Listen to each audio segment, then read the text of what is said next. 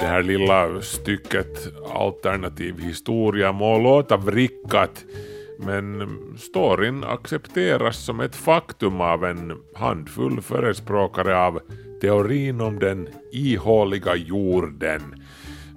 Nu snackar vi alltså om konspirationsteoretiker som får till och med plattjordarna att se ganska balanserade ut. Ignition sequence start.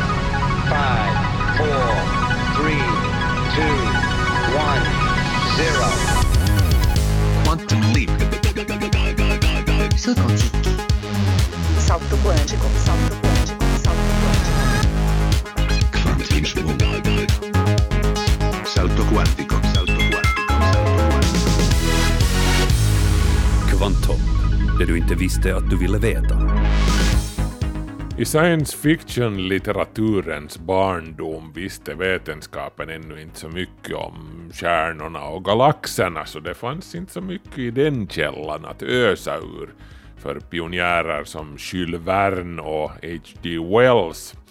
Men det fanns ju däremot någonting minst lika spännande mycket närmare, bokstavligen under våra fötter den minst lika outforskade jordens innandöme.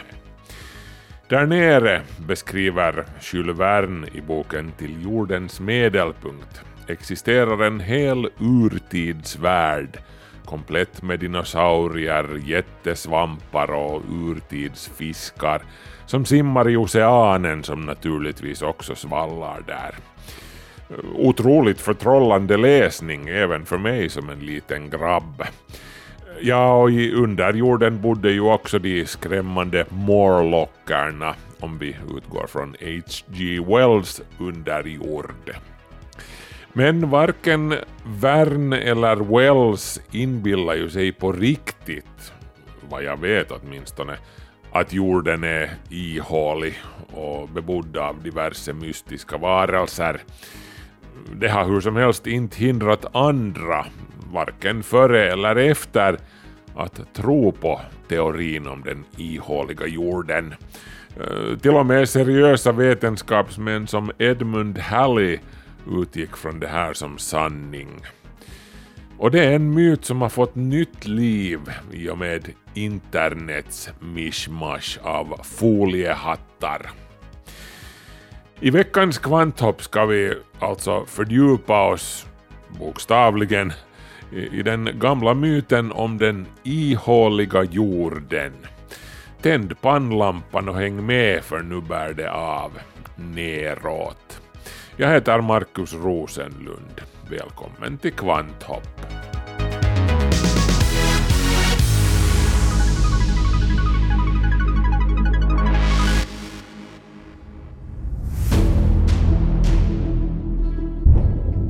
De allierades pansartrupper närmar sig västerifrån. Samtidigt smulas Berlin sönder av den röda arméns artilleri som rullar fram i öster. Djupt nere i sin bunker medger Adolf Hitler äntligen att drömmen om världsherraväldet är död. Nederlaget är nära. Men fyran är fast besluten att aldrig lida förödmjukelsen av att bli tillfångatagen av sina fiender. Det finns bara en flyktväg. En som han har planerat för ifall att det blev nödvändigt. Nej, inte självmord. Det är uteslutet. Istället förs Hitler och hans elitkår genom en tunnel till en hemlig flygplats. Där går de ombord på ett omärkt plan och flyger söderut. Söderut ända till Antarktis. Till Sydpolen där de kommer att passera genom öppningen i den ihåliga jorden och försvinna från historien.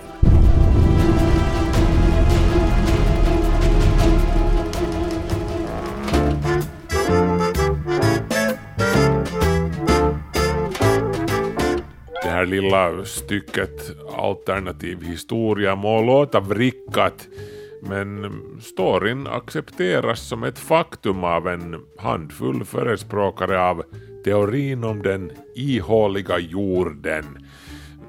nu snackar vi alltså om konspirationsteoretiker som får till och med plattjordarna att se ganska balanserade ut.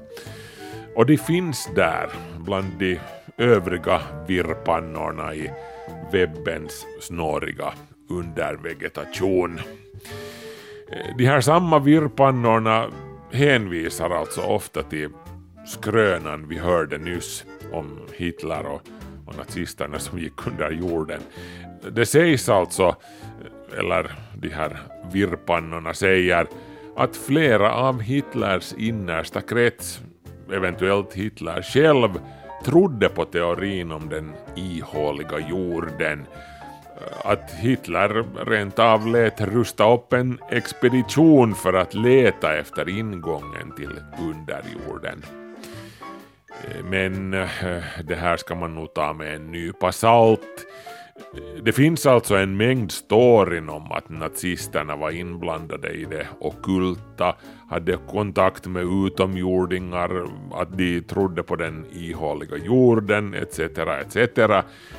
Och det mesta av det här härstammar alltså från den franska boken Le Matin de Magicians, eller Vår fantastiska värld på svenska, från 1960. Den är skriven av Louis Povel och Jacques Bergier.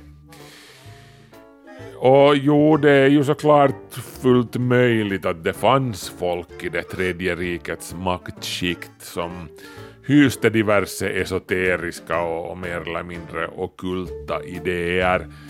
Jag menar bara själva tron på den så kallade ariska rasen och dess påstådda överlägsenhet bottnar ju i en mängd pseudovetenskap och fria fantasier.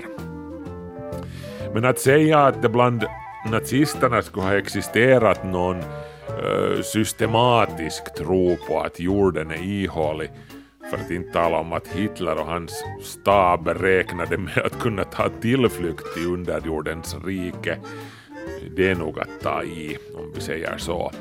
Men det hindrar ju inte vissa att fortsätta sprida den här storyn som sanning.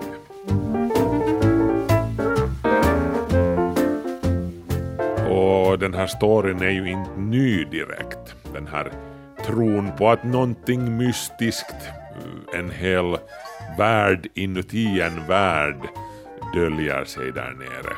Det är en tro som inte har dött ut helt och hållet ens i vår tid utan den har snarare fått mera luft under vingarna i och med internet. Jo, självklart, det är ju fortfarande någonting mycket marginellt, men det är hur som helst fascinerande vilka grejer folk snöar in på.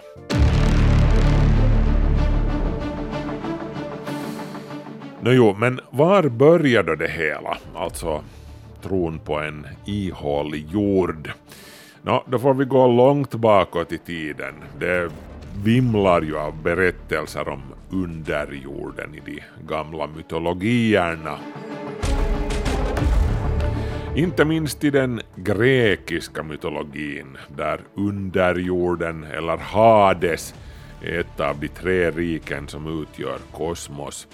Underjorden är uttryckligen avsedd endast för de döda, så vanliga dödliga äger inte tillträde.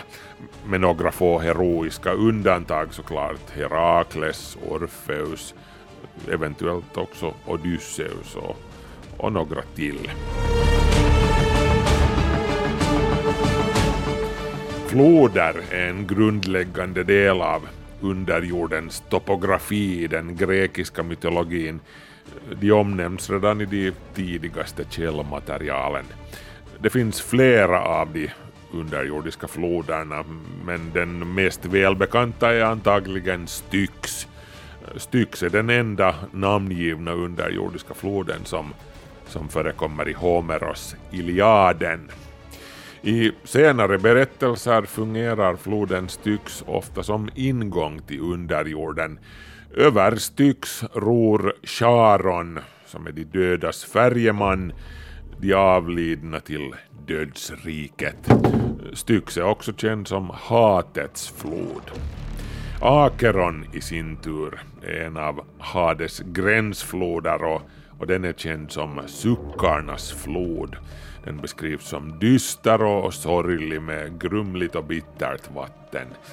Akeron är också en verklig flod, ovan jord i nordvästra Grekland, 58 kilometer lång. Den mynnar ut i Joniska havet. Ja, och så ska vi inte glömma, vad hette den nu igen, uh, Lete, glömskans flod i underjorden. Uppkallad efter Lete som var, eh, vad var hon nu igen?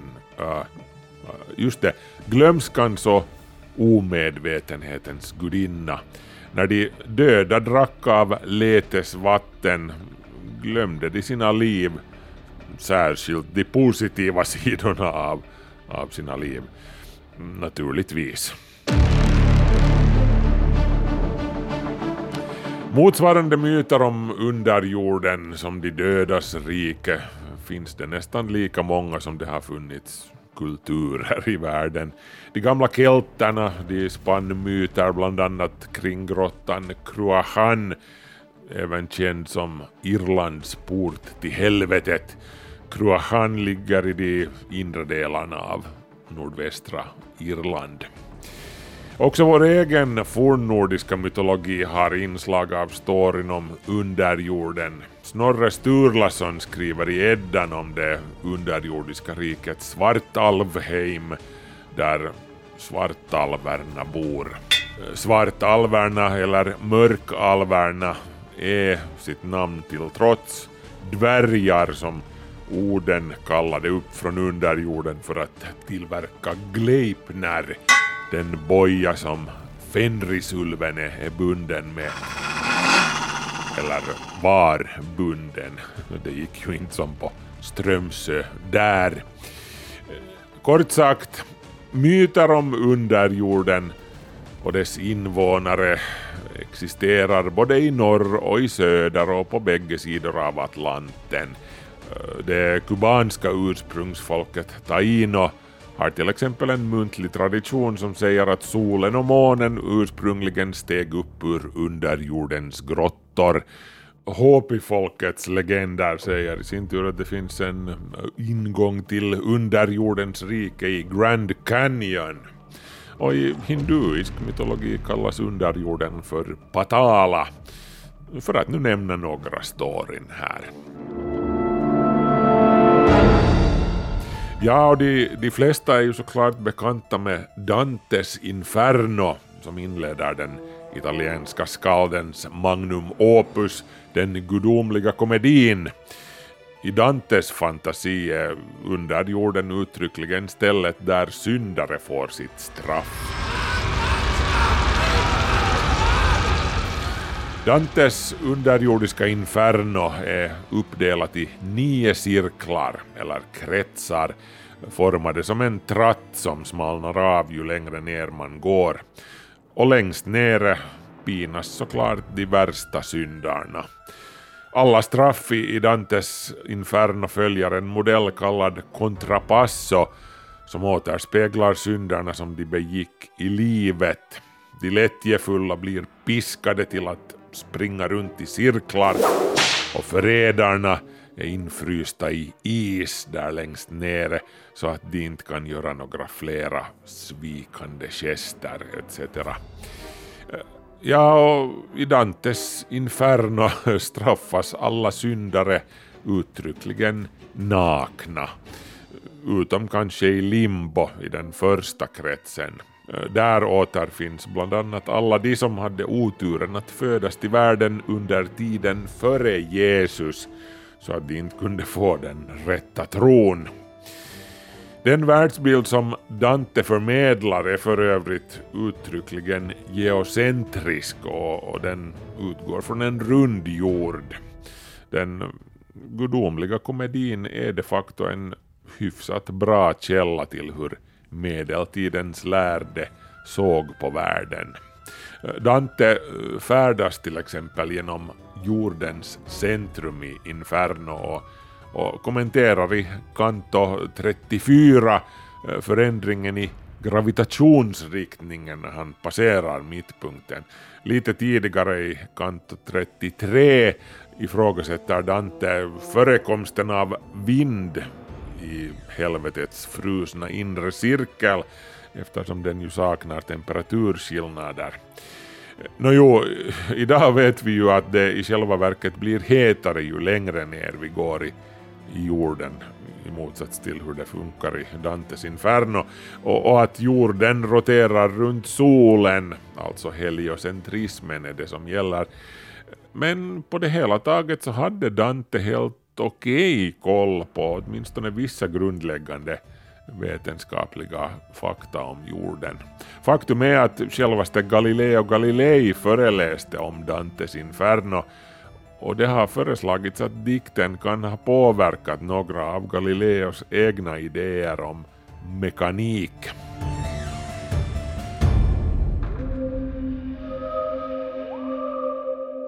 Men hur som helst, jag har ännu inte talat om den alltigenom ihåliga jorden. Jag har huvudsakligen berört diverse uppfattningar om eh, i princip grottor och enskilda håligheter i jorden. Eh, håligheter som slående ofta utnyttjas till att fängsla och eller eh, straffa döda själar som förtjänar det av någon orsak. Och man kan ju kanske argumentera för att den här sortens tänkande är lite lite orättvist mot underjorden vars grottor ju skyddade våra förhistoriska förfäder mot väder och vind och rovdjur med mera med mera. Eh, men jo, i grottor är det ju mörkt och vi har tydligen alltid varit mörkrädda av oss och associerat det som vi inte kan se med, med diverse otrevliga saker. Och vi begraver ju våra döda i jorden så, så de väntar där nere, vilket kan kännas skrämmande.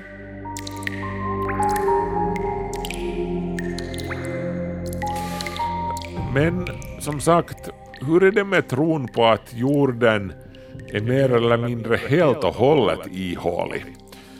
För den existerar alltså också.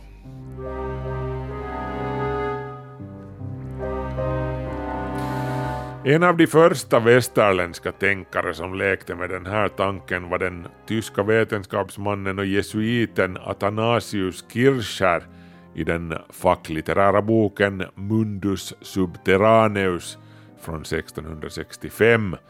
I den spekulerar Kircher om att det finns inom citat ett invecklat system av håligheter och en vattenkanal som förbinder polerna. Den kanske mest prominenta vetenskapsman som har varit inne på det här spåret var den engelska astronomen, matematikern och fysikern Edmund Halley, mannen bakom Halleys komet, ni vet. Halley föreslog 1692 att jorden består av ett ihåligt skal, cirka 800 kilometer tjockt, det som vi bor på. Innanför det finns sedan två inre koncentriska skal och en innersta kärna, lite som ryska dockor. Och atmosfärer separerar sedan de här olika skalen. Eh, självlysande atmosfärer, obs, obs. Halley spekulerar i att norrskenen uttryckligen orsakas av självlysande luft som, som läcker ut från polerna. Och varje skal inuti jorden har sen dessutom sina egna magnetiska poler, menade Halley. De här sfärerna de roterar med lite olika hastigheter. Halley använde det här till att förklara de äh, magnetiska avvikelser som kompassavläsningar runt om i världen vittnade om. Ja, och självklart så tänkte sig Halley också att de olika sfärerna inuti jorden var bebodda.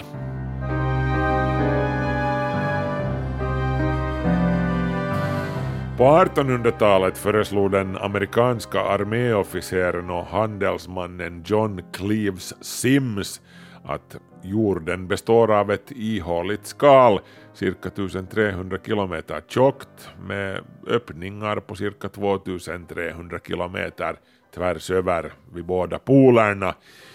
Inuti det här skalet fanns sedan ytterligare fyra inre skal, också de öppna vid polerna. Och de här öppningarna vid polerna, genom vilka för övrigt solen kommer åt att lysa upp de inre sfärerna och göra också dem beboeliga. Det här var Sims unika bidrag till ihåliga jordensoppan, de här öppningarna vid polerna. Man ser fortfarande faktiskt vår tids Hollow Earthers hänvisa till stora hål i jordytan både i Antarktis och vid Nordpolen som FN, NASA och Illuminati och alla de där andra naturligtvis inte vill att utomstående ska gå och snoka kring. Man ska minnas alltså att på Sims tid var Antarktis och Nordpolen ännu i stort sett outforskat så det var lättare att kasta fram påståenden om vad som dolde sig där uppe i norr och där nere i söder. John Cleves Sims var hur som helst en av de mest kända Hollow Earth-förespråkarna på sin tid. Hans hemstad Hamilton, Ohio har till och med rest ett monument över honom och hans idéer. Sims begränsar för övrigt inte sin ihålighetsteori bara till jorden. Han hävdar att alla himlakroppar inom citat från den största till den minsta, från solen ner till den minsta flammande meteor eller fallande kärna består i större eller mindre grad av en samling sfärer. Citat slut. Så det så. Ja, och också om Sims själv alltså inte var vetenskapsman citerades hans teorier också i flera av den tidens vetenskapliga skrifter. Också 1900-talet såg sin beskärda del av ihåliga jorden anhängare. Kanadensaren Marshall Gardner skrev 1913 boken A Journey to the Earth's Interior lite i Jules Vernes anda fast på riktigt. Gardner han menar att det existerar en inre sol mitt inne i jorden och jo, Gardner menar som sagt allvar. Han byggde till och med en fungerande modell av den ihåliga jorden som han till och med patenterade, US Patent 1096102.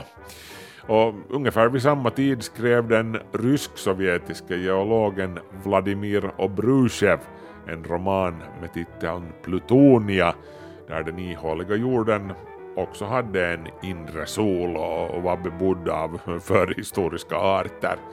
Och interiören gick att nå genom en öppning i Arktis. Nåjo, motsvarande mer eller mindre fantasifulla skrifter vimlar det de facto av i 1900-talets boktrave och vi varken hinner eller ids gå in på dem alla här. Men vi kan ju ännu nämna den polska upptäcktsresanden och professorn Ferdinand Osendowski. Han skrev en bok 1922 med titeln Beasts, Men and Gods, vilddjur, män och gudar. Osendowski sa alltså att han hade hört från en säker källa om ett underjordiskt kungarike som finns inuti jorden. Det var känt för buddister som Agartha. Och nu var det säkert en och annan mystiker som hajade till här. Just det, Agartha, det legendariska kungariket som sägs vara beläget i jordens kärna. Agartha dyker alltid upp när man bökar lite bland rötterna till tron på en ihålig jord eller när man bökar i diverse andra mystiska föreställningar. Det är alltså ett populärt ämne inom esoterismen det här med Agartha.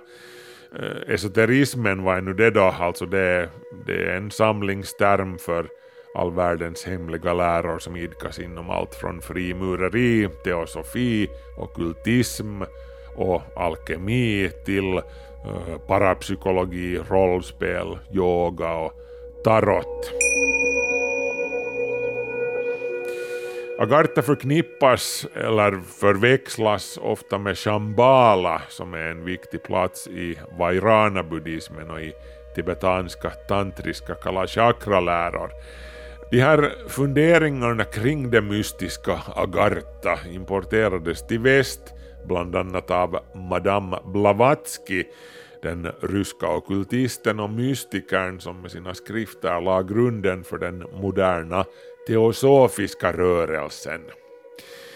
Vill du trilla ner i ett riktigt djupt kaninhål så kan du ju googla Agartha, men frågan är om det är värt din tid. Det saknas inte hänvisningar till vare sig Atlantis, Edens lustgård, Egyptens pyramider och, och diverse utomjordingar här. Och till Tibet ihåliga jorden-anhängarna älskar Tibet som utöver Nord och Sydpolen också sägs hysa sin egen inkörsport till världen inuti jorden. Drums.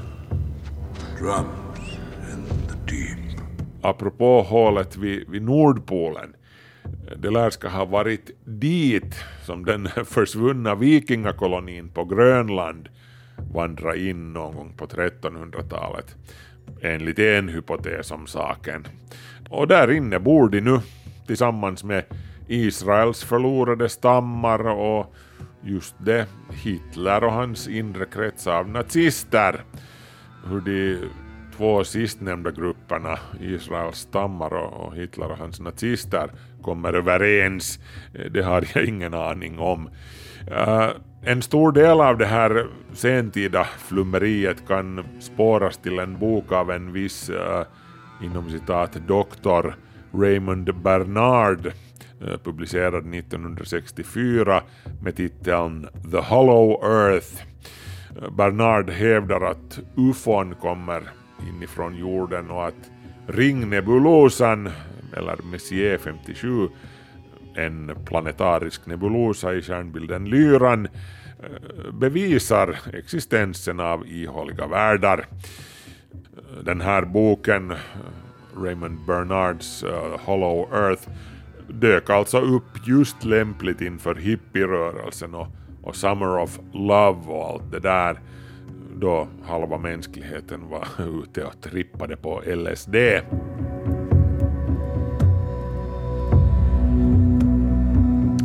Nå, hur som helst, den här tanken på en ihålig jord med konvexa skal inuti där ufo-varelser och Atlantis folk gömmer sig är bara en modell för den ihåliga jorden. Eh, sen finns det också en hypotes om den konkava ihåliga jorden. Vissa menar att vi de facto bor inuti jorden, du och jag, och vi skulle då alltså leva på insidan av skalet i en ihålig sfärisk värld så att själva vårt universum, rymden och allt det där ligger i hålighetens mitt. Alltså ovanför våra huvuden inuti jorden. Jag, jag vet inte, glömde. det. det. Det här har i alla fall kallats den konkava Hollow Earth-hypotesen eller skycentrism. Och vet ni, nu, nu börjar jag bli lite andfådd på riktigt och, och, och yr i huvudet. Så låt mig bara konstatera här till slut att hypoteserna om en ihålig jord, samtliga är sällsynt grundligt motbevisade. Kanske med början i det så kallade Skihalion-experimentet på 1700-talet som gjordes för att bestämma jordens medeldensitet. Jordens inre struktur har också fastställts många gånger genom studiet av seismiska vågor och Och den här bilden som framträder här är, är av någonting helt annat än en ihålig jord. Den tid det tar för seismiska vågor att färdas genom och, och runt jorden det motsäger direkt en ihålig sfär. Bevisen pekar helt klart på att jorden har en skorpa och en mantel av fast eller delvis flytande sten, eh, en yttre kärna av flytande nickel och järn och en inre kärna av fast nickel och järn. En annan uppsättning vetenskapliga argument mot en ihålig jord kommer från gravitationen. Massiva föremål tenderar av gravitationen att klumpa ihop sig till icke ihåliga sfäriska föremål som stjärnor och planeter. Med den rådande tyngdkraften som vi mäter upp här idag eh, skulle ett ihåligt skal aldrig hållas intakt utan kollapsa under sin egen vikt. Så, summa summarum. Eh, baserat på jordens storlek och tyngdkraften på dess yta är den genomsnittliga densiteten för planeten jorden 5,515 gram per kubikcentimeter. Den typiska densiteten hos ytans bergarter är hälften av det här, cirka 2,75 gram per kubikcentimeter. Eh, om någon betydande del av jorden skulle vara ihålig, då skulle den genomsnittliga tätheten vara mycket lägre än för stenar på ytan. Men det är den alltså inte. Det enda sättet för en ihålig jord att ha den tyngdkraft som vi mäter upp är genom en kärna som består av mycket tätare material än nickel och järn av någon hittills okänd supertung legering och som sagt seismologin bevisar att det gör den inte. Men lyckligtvis så kan ju alla som går och drömmer om Agartha trösta sig med att det finns massvis med fina grottor att utforska och, och drömma sig bort i och hoppas på att nästa krök avslöjar början på trappan som leder ner till landet inuti jorden. Hej, mindre harmlösa sysslor kan man tänka sig än så. Så länge ni inte irrar bort er där inne så att räddningspersonal sen behöver tillkallas.